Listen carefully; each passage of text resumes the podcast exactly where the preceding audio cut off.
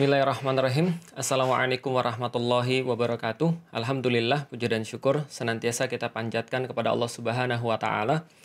Begitupun juga salat dan salam semoga senantiasa kita curah dan limpahkan hanya kepada baginda Nabi besar Muhammad sallallahu alaihi wasallam. Manusia sempurna yang senantiasa kita uh, tunggu-tunggu syafaatnya dan kita berharap semoga ketika kita berjumpa dengan beliau dalam keadaan beliau mengenal kita sebagai bagian daripada umatnya.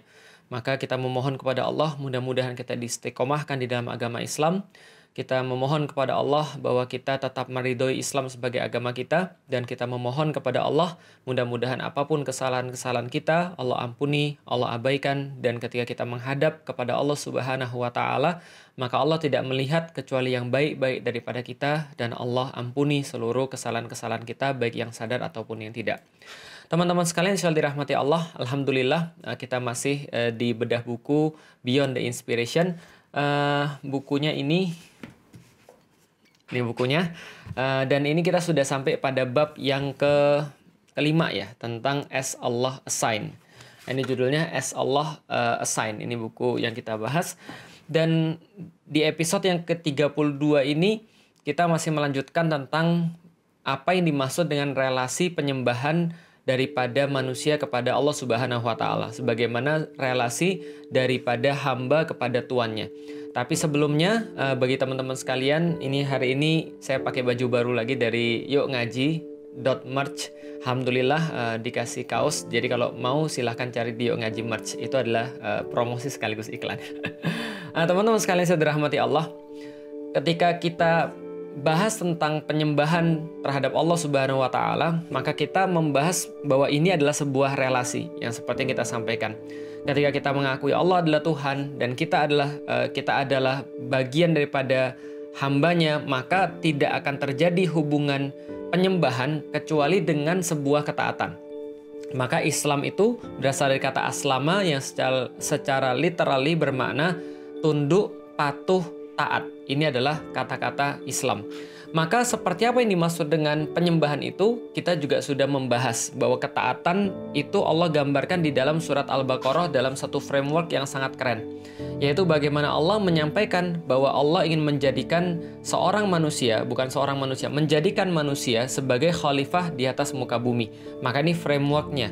Jadi kalau misalnya kita ditanya, uh, dalam framework apa sih sebenarnya, dalam gambaran besar apa sih sebenarnya ketaatan kita terhadap Allah Subhanahu wa taala, maka ketaatan kita di uh, dikerangkai dengan menjadi petugas Allah yaitu bagaimana caranya kita memanajeri bumi ini yang telah diberikan oleh Allah Subhanahu wa taala.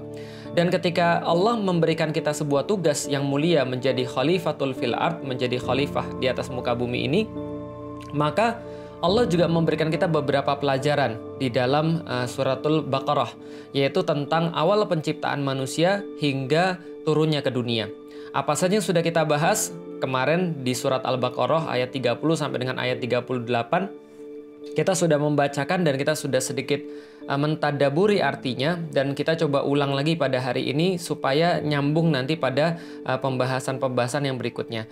Pelajaran yang bisa kita ambil ada beberapa. Yang pertama, kita mempelajari bahwa yang namanya ilmu itu hanyalah milik Allah. Ketika Allah sampaikan wa 'allama adamal asma'a kullaha berarti Allah menyebut bahwa ilmu itu cuma datang daripada Dia.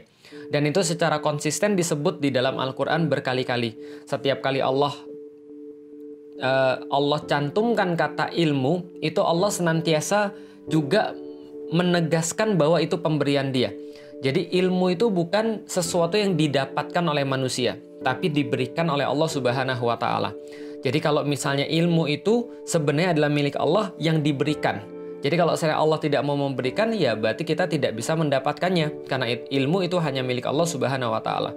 Ketika Allah kemudian mengajarkan kepada Adam ilmu-ilmu daripadanya, ini juga membuktikan ada satu hal yang berbeda antara manusia dengan malaikat. Yaitu adalah malaikat itu tidak bisa untuk belajar dengan kata-kata bahwa ketika malaikat disuruh untuk menyebutkan nama benda-benda mereka katakan subhanaka la ilma lana illa ma 'allamtana. Kami tidak mempunyai pengetahuan apa pun kecuali telah yang diilhamkan kepada kami, yang diinstal kepada kami. Maka malaikat mengakui bahwa mereka tidak punya kemampuan seperti Adam. Dan kita sudah tahu Adam diberikan kemampuan yang berbeda dengan makhluk-makhluk yang lain yaitu adalah dia memiliki akal. Di antara seluruh makhluk-makhluk Allah, kita mendapati hanya dua yang disuruh untuk uh, beribadah kepada Allah secara secara imani, yaitu adalah jin dan manusia. Wa ma khalaqtul jinna wal insa illa liya'budun. Kami tidak menciptakan jin dan manusia kecuali untuk beribadah kepada Allah. Artinya, jin dan manusia memiliki kesamaan yaitu adalah akal, kemampuan untuk belajar. Yang malaikat ini tidak punya seperti manusia dan jin, yaitu akal yang akhirnya bisa menentukan sebuah pilihan. Kalau malaikat nggak ada pilihan teman-teman sekalian. Kalau malaikat disuruh A ya melakukan A. Kalau malaikat disuruh B yang melakukan B. Tapi manusia dia bisa pilih. Kalau seandainya dia pilih untuk melakukan itulah namanya ketaatan, kalau dia pilih untuk tidak melakukan itulah namanya pembangkangan. Maka ketika di awal-awal itu kita sudah dikasih tahu kenapa manusia yang dibebankan untuk menjadi pengurus bumi atau guardian of the earth atau khalifah fil art tadi karena mereka punya sesuatu yang tidak dimiliki oleh malaikat yaitu kemampuan untuk belajar, kemampuan untuk memilih. Karena itulah sesempurna-sempurnanya manusia, sesempurna-sempurnanya ciptaan Allah adalah manusia. Dia lebih tinggi daripada malaikat kalau dia menggunakan akalnya dan dia bisa jadi lebih rendah daripada hewan kalau dia tidak pakai akal.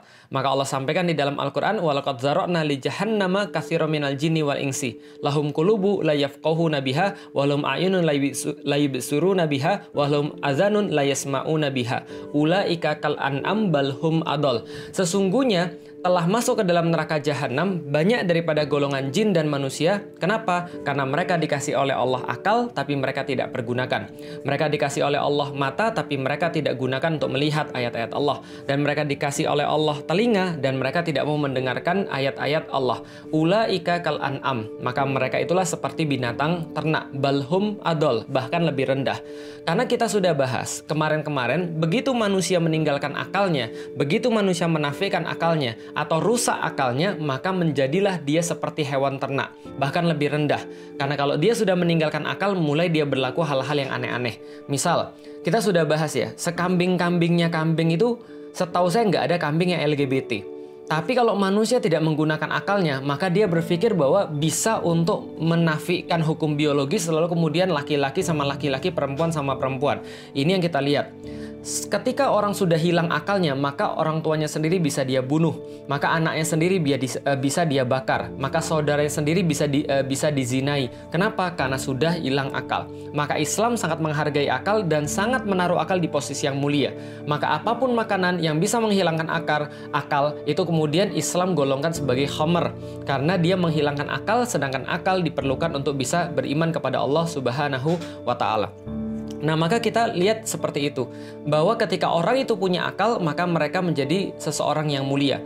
Tapi apabila mereka tidak punya akal, maka mereka menjadi seseorang yang uh, akan bermaksiat. Nah, itu yang kita lihat uh, di dalam memahami tentang manusia ini. Ketika dia itu mencoba untuk taat kepada Allah Subhanahu wa taala.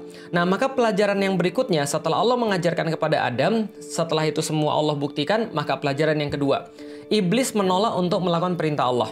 Ketika Allah katakan wa qulna lil malaikatis judu li Adam fasajadu illa iblis. Maka seluruh malaikat-malaikat diperintahkan dan yang bersama dengan malaikat juga termasuk iblis. Iblis adalah bagian daripada jin, tapi dia bersama dengan barisan para malaikat karena dia dulu juga beribadah kepada Allah dengan sangat tekun. Tapi ketika dia diuji dengan hal seperti ini, maka dia nggak mau. Kenapa dia nggak mau? Dia punya narasi sendiri. Allah nggak pernah ngajarin bahwa api itu lebih bagus daripada tanah. Allah nggak pernah ngajarin bahwa tanah itu lebih rendah daripada api, tapi dia bikin narasi sendiri. Aku nggak mau sujud. Nah kenapa? Kholak tani minar wa kholak tahu mintin. Aku diciptakan daripada api, sedangkan dia diciptakan daripada tanah. Kenapa aku harus menyembah kepada dia? Padahal yang Allah minta bukan menyembah kepada Adam.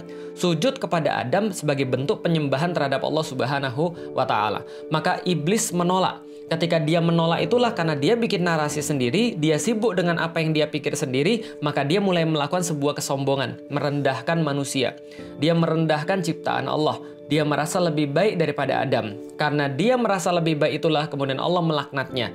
Dan manusia kemudian diminta oleh Allah uskun anta wa zaujukal jannah. Maka tinggallah kamu Adam bersama dengan uh, istrimu di dalam surga. Maka semua itu kemudian disuruh uh, pergi ke surga tapi tidak boleh mendekati satu pohon. Wala takroba hadhihi syajarah. Dan kamu tidak boleh mendekati satu pohon ini. Tapi kita sudah tahu, akhirnya kemudian iblis menggoda Adam dan Hawa dan mereka akhirnya jatuh ke dalam dosa. Ini pelajaran berikutnya yang sangat penting.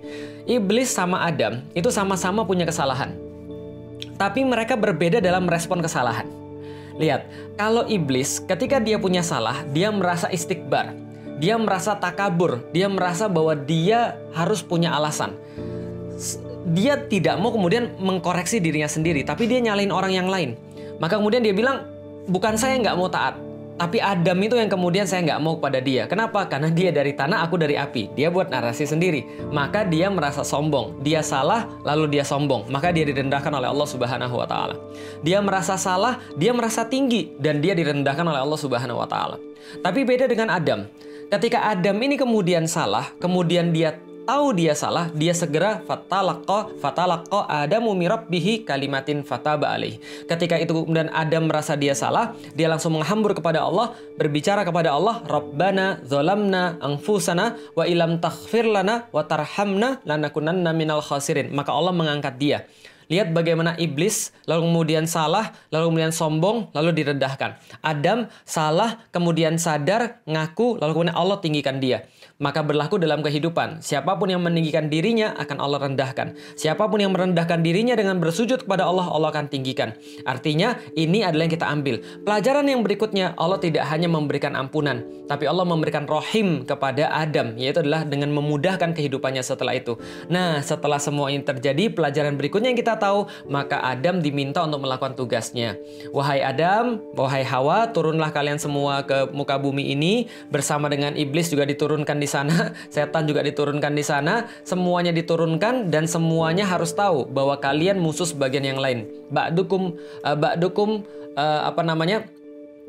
Uh, ba'dukum libadin adu. Sesungguhnya kalian itu dengan sebagian yang lain, maksudnya adalah setan atau iblis, uh, iblis dan bala tentaranya dengan manusia itu adalah saling berperang satu sama lain, saling saling apa ya punya punya bukan saling sih bahwasanya iblis itu dan setan adalah barisan musuhnya manusia. Jadi uh, adu mubin dalam ayat yang lain, musuh yang sangat nyata bagi kalian, maka jangan ikutin mereka. Kenapa? Karena mereka pasti akan menyengsarakan kalian, pasti akan menyulitkan kalian. Nah, setelah itu kemudian pelajarannya dikasih, maka manusia juga diberikan pelajaran yang paling ultimate di antara surat Al-Baqarah 30 sampai 38. Apa pelajaran ultimate-nya? Fa imma ya'tiyannakum minni huda faman tabi'a hudaya fala khaufun alaihim walahum yahzanun.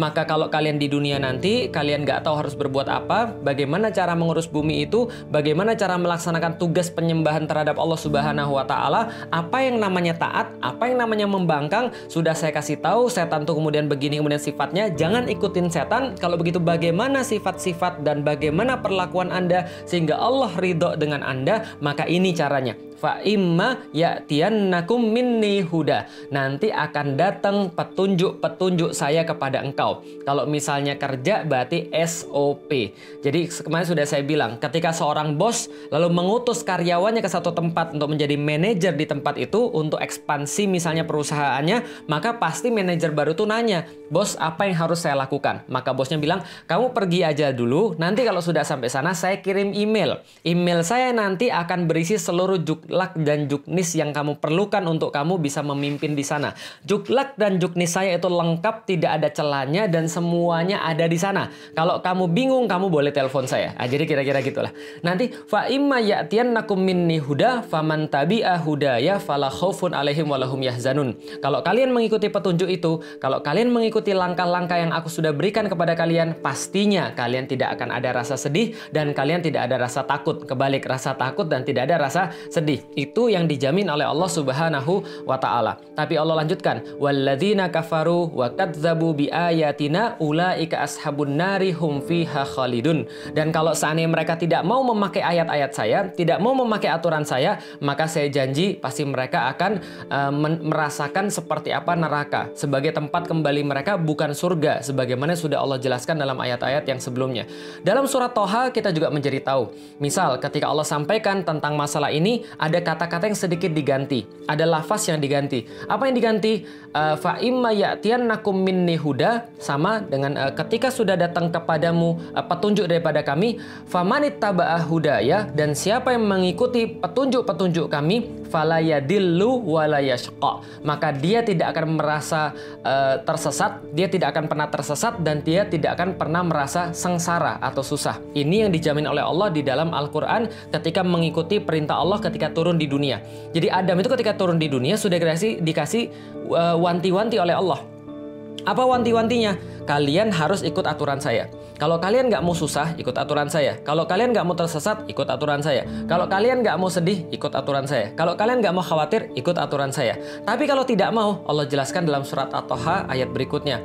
Waman a'rado an zikri fa innalahu ma'isyatan dongka. Maka siapa pun yang tidak mau atau menolak aturan-aturan saya siapa pun yang tidak mau memakai seluruh apa yang saya telah turunkan kepada mereka maka kami pastikan bagi mereka ma'isyatan dongka. Bagi dia yang menolak adalah Ma'isyah yang sempit, kehidupan dunia yang sempit dan ulama-ulama tafsir sudah sepakat bahwa mereka akan merasakan kesempitan di dunia dan juga kesusahan di akhirat. Ada yang mengatakan bahwa mereka mendapati bahwa kuburannya sempit, maksudnya itulah yang dimaksud dengan kehidupan akhirat yang sempit atau kehidupan di alam kubur yang sempit. Ada yang mengatakan tidak hanya itu, tapi mereka di dunia juga sudah dirasakan kesempitannya. Misalnya, ulama-ulama berpendapat, Ibnu Katsir berpendapat misalnya, bahwa mereka bisa jadi di dunia itu rasanya enak. Bisa jadi di dunia mereka tercukupi, bisa jadi mereka di dunia itu pakai baju yang bagus. Mereka bisa jadi pakai uh, pakai uh, mobil yang bagus atau pakai rumah yang bagus.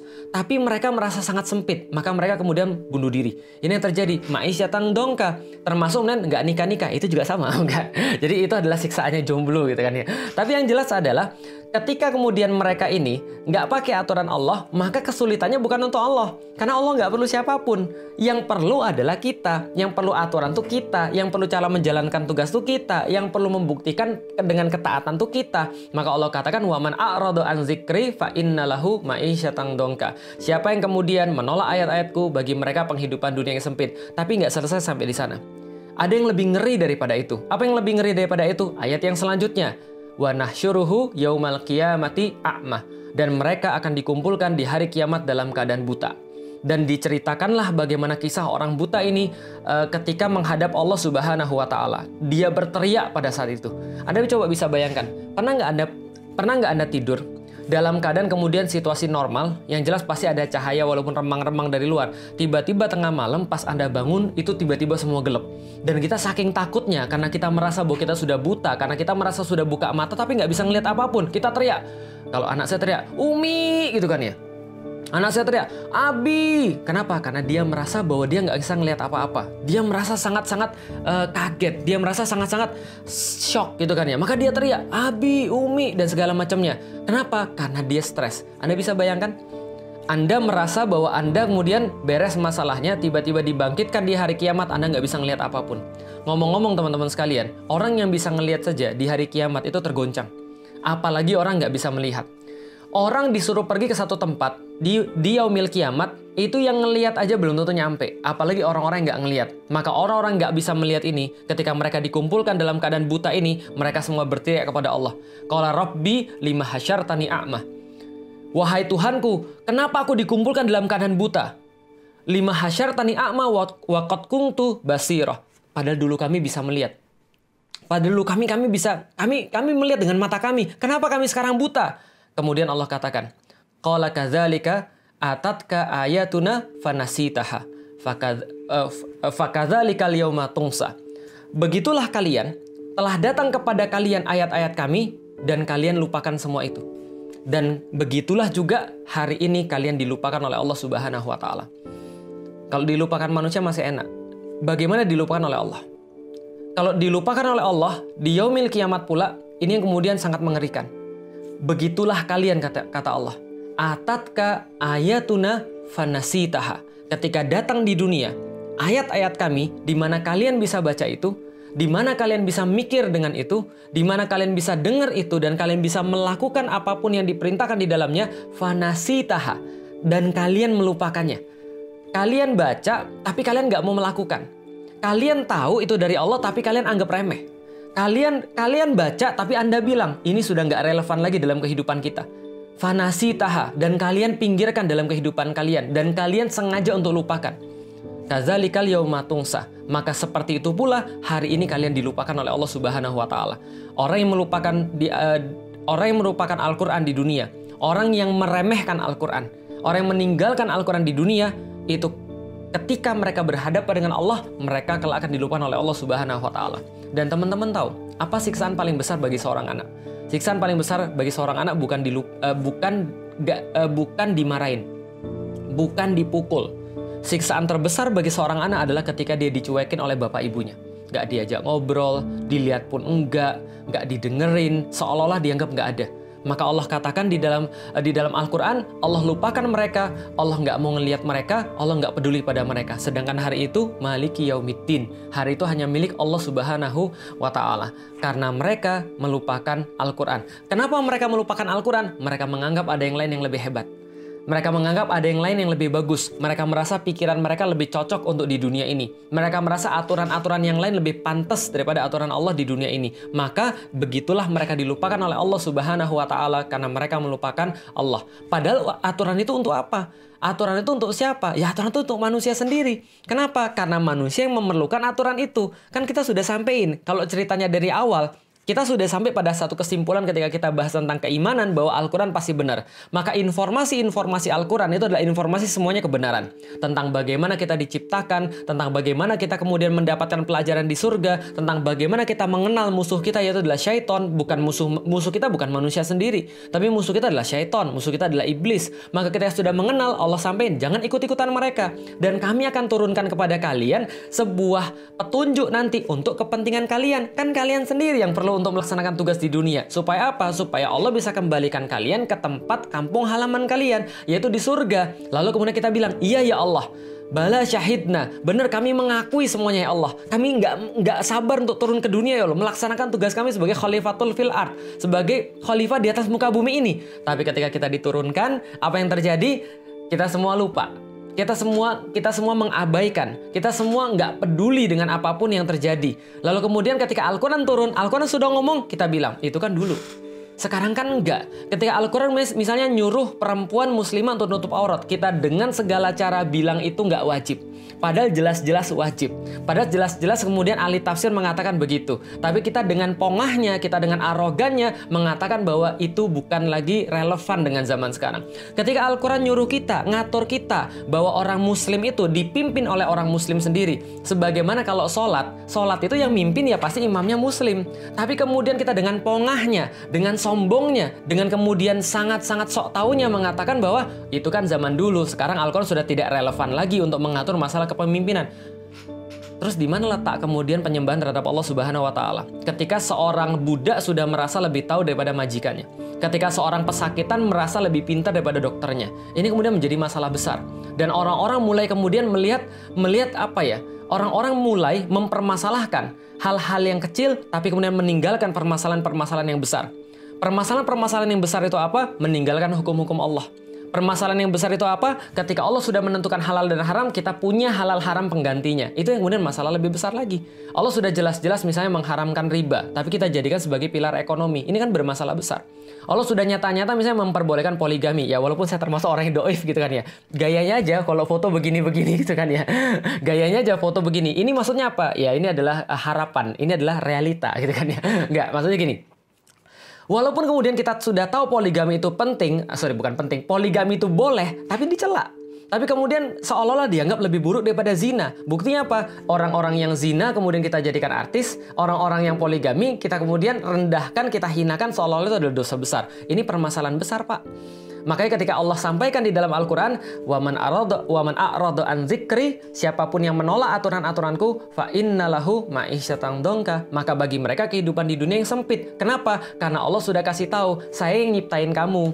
Saya nyiptain manusia, saya paling tahu tentang manusia. Maka pengetahuan saya tentang manusia itu bagaimana cara untuk menjaganya sudah ada manual instructionnya, sudah ada kemudian buku untuk mengaturnya. Apa buku itu? Namanya Al-Qur'an yang memuat huda. Syahrul Ramadan alladzi unzila fihil Qur'an huda linnas wa bainatim minal huda wal furqan. Sesungguhnya di bulan Ramadan ini diturunkan Al-Qur'an yang di dalam Al-Qur'an itu ada huda, petunjuk buat manusia bagaimana cara hidup di dunia yang benar. Kalau mereka nanti mau nikah, bagaimana caranya? Kalau mau nyari pasangan, bagaimana caranya? Mau nyari rumah, seperti apa caranya? Mau kemudian ibadah, bagaimana caranya? Sujud yang benar, kayak apa caranya? Lalu kemudian segala macamnya ada di dalam Al-Quran. Maka Al-Quran mengatur semua keperluan hidup manusia. Secara kemudian dari yang paling detail, dari yang paling kecil, sampai yang paling rumit, sampai yang paling besar. Maka Islam punya aturan semuanya. Yang insya Allah akan nanti kita bahas besok tentang bagaimana Islam itu uh, adalah sebuah agama yang syumul, adalah agama yang menyeluruh. Islam punya aturan terhadap banyak hal yang kemudian menjadi keperluan kita. Suatu waktu uh, saya punya seorang uh, kakak angkat namanya Mas Mas Jaya Setia Budi, uh, ada di internet juga, ada di Instagram juga sering ngisi tentang bisnis. Saya tanya, "Mas, dulu kenapa milih Islam, Mas? Kenapa masuk Islam?" Karena dia juga mualaf. Lantas dia bilang gini, Ya saya tuh sederhana aja karena saya tuh adalah sudah terbiasa buat sistem buat UKM lalu dia bilang e, kalau di dalam Islam ini aturannya tuh banyak dan aturannya rumit, aturannya lengkap. Nggak mungkin yang buat agama ini main-main. Wah, saya bilang iya juga ya. Itu sederhana uh, seperti itu. Bahwa karena Islam ini punya aturan yang lengkap, maka nggak mungkin yang buat tuh main-main gitu loh maksudnya. Nah, maka mudah-mudahan kita menjadi uh, seseorang yang meyakini bahwa keperluan kita untuk menaati Allah bukan keperluan Allah untuk kita taat kepada Dia. Mudah-mudahan kita termasuk orang-orang yang senantiasa ikhlas ikhlas untuk taat pada Allah bukan hanya uh, taat secara membabi buta tapi taat karena pengetahuan. Wallahualam Assalamualaikum warahmatullahi wabarakatuh.